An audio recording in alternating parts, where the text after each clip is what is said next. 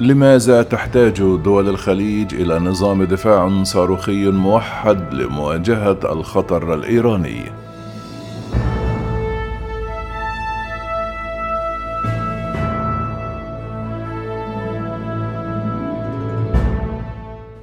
في يونيو المنصرم أثارت دعوة الملك عبد الله الثاني ملك الأردن ضجة عندما أشار إلى أنه سيدعم إنشاء تحالف عسكري شبيه بحلف شمال الأطلسي في الشرق الأوسط. وأكد الرئيس الأمريكي جو بايدن خلال زيارته الأخيرة للمنطقة التزامه بتطوير بنية دفاع جوي وصاروخي أكثر تكاملا وذات شبكة إقليمية ومواجهة انتشار الأنظمة الجوية والصواريخ غير المأهولة إلى الجهات الفاعلة غير الحكومية التي تهدد السلام والأمن في المنطقة.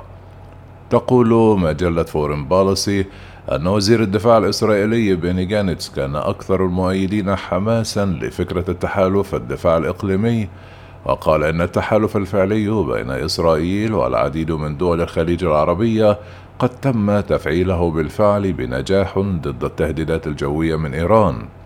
يمثل التهديد المتزايد التي تشكله الصواريخ الإيرانية والقلق من أن طهران يمكن أن تستخدمها للأسلحة النووية محركا للجهود الأمريكية على مدى السنوات العشرون الماضية لنشر درع دفاع صاروخي في كل من أوروبا والشرق الأوسط وذلك وفقا لتحليل نشرته مجلة الفورن باليسي تقول الفورن باليسي أن هناك أوجه تشابه مثيرة للاهتمام بين اتفاقية الدفاع الجوي التي تقترحها الولايات المتحدة للشرق الأوسط ونظام الدفاع الصاروخي التابع لحلف شمال الأطلسي في أوروبا فعلى الرغم من أن التهديدات العلنية الروسية ضد حلف شمال الأطلسي فقد أكد الحلف منذ فترة طويلة أن نظام الدفاع الصاروخي قيد التطوير في أوروبا موجود لمواجهة التهديدات من خارج المنطقة الأوروبية الأطلسية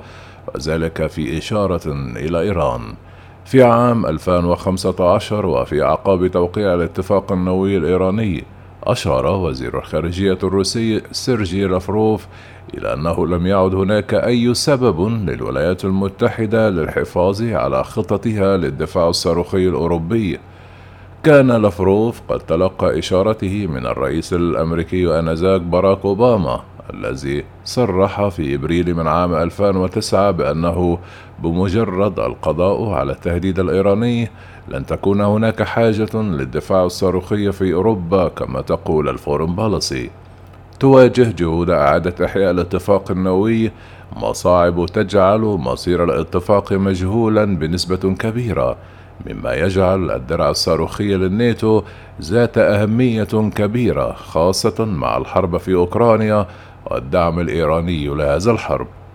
كشفت إيران في منتصف يوليو الماضي عن وحدة بحرية للطائرات المسيرة تتيح إطلاقها من سفن وغواصات في أحدث إعلان مرتبط ببرنامجها لهذه الطائرات التي تثير قلق خصومها خصوصا الولايات المتحدة وإسرائيل. كما زار مسؤول روس إيران مرتين على الأقل هذا الصيف لمعاينة الطائرات المسيرة المقاتلة التي ستسلمها طهران إلى موسكو وذلك كما أكد جيك سوليفان مستشار الأمن القومي للبيت الأبيض. عرض الجيش الإيراني طائرته المسيرة على وفد روسي يومي الثامن والخامس من يوليو المنصرم في قاعدة كاشان الجوية البعيدة والتي تقع على بعد 200 كيلومتر جنوب طهران وذلك بحسب صور الأقمار الاصطناعية التي كشفت عنها الحكومة الأمريكية. في الوقت الذي تسعى روسيا فيه إلى تعزيز ترسانتها أمام المقاومة التي يبديها الجيش الأوكراني في شرق البلاد. تقول الفورين بالسي أن ألمانيا الصديق القديم لروسيا أعربت عن اهتمامها بشراء نظام دفاع صاروخي لحماية نفسها من طموحات الكرملين. وإلى جانب التقدم الكبير في برنامجها النووي تمتلك إيران أكبر ترسانة صاروخية وأكثرها تطورا في المنطقة. وتمتلك إيران صواريخ يمكنها الوصول إلى أهداف في الشرق الأوسط وتركيا وجنوب شرق أوروبا. وفي أواخر عام 2018 أفادت التقارير أن إيران اختبرت صاروخا باليستيا متوسط المدى. يعتقد أنه غير مشهر والذي يمكن أن يضرب الكثير من المناطق في جنوب وشرق أوروبا ربما في ذلك أهداف في فرنسا. كما حذر بعض الخبراء من أن إيران ستنظر على الأرجح إلى التعاون الأمني الذي ترعاه الولايات المتحدة بين إسرائيل ودول الخليج على أنه تحالف هجومي. مما يشجع النظام على تكثيف برنامجه النووي وتصعيد العمليات العسكرية ضد الدول ويمكن للتعاون الوثيق ناهيك عن التحالف أن يعزز الانقسامات القائمة بينما يطفئ الآمال في التوصل إلى حل دبلوماسي فيما أدانت إيران بالفعل خطط الدفاع الجوي المشترك. يتطلب نظام الدفاع الجوي المتكامل في الشرق الأوسط من الخصوم الجدد تبادل المعلومات الاستخباراتية الحساسة. كما نقلت المجلة عن جيم تاونسند المسؤول السابق في وزارة الدفاع الأمريكية والذي يعمل الآن زميلا بارزا في مركز الأمن الأمريكي الجديد قوله أن نظام الناتو مصمم للتعامل مع عدد صغير من الأسلحة الإيرانية المحتملة وليس لمعالجة التهديد الصاروخي الروسي الأكثر قوة. قال إنه ستكون هناك حاجة إلى استثمار ضخم في مواقع جديدة للتعامل مع مخزون روسيا من الصواريخ.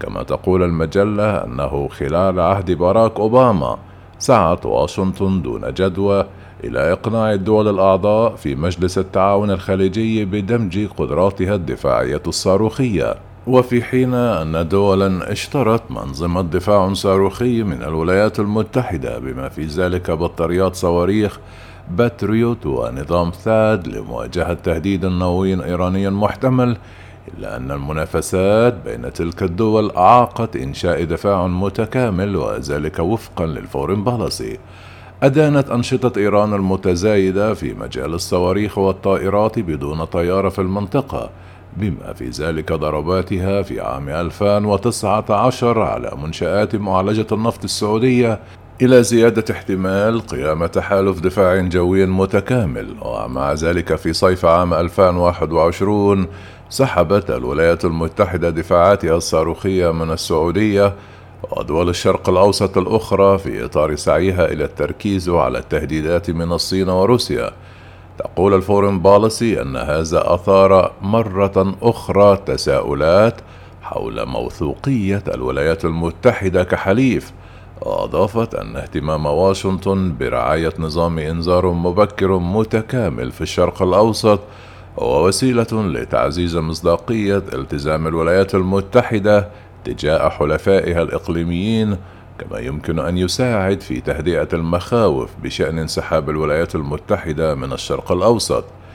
لكن الفورم بالاسي تقول أنه قد يستغرق الأمر سنوات عديدة حتى تتوفر الظروف السياسية لنظام دفاعي متكامل تماما ناهيك عن تحالف أمني رسمي.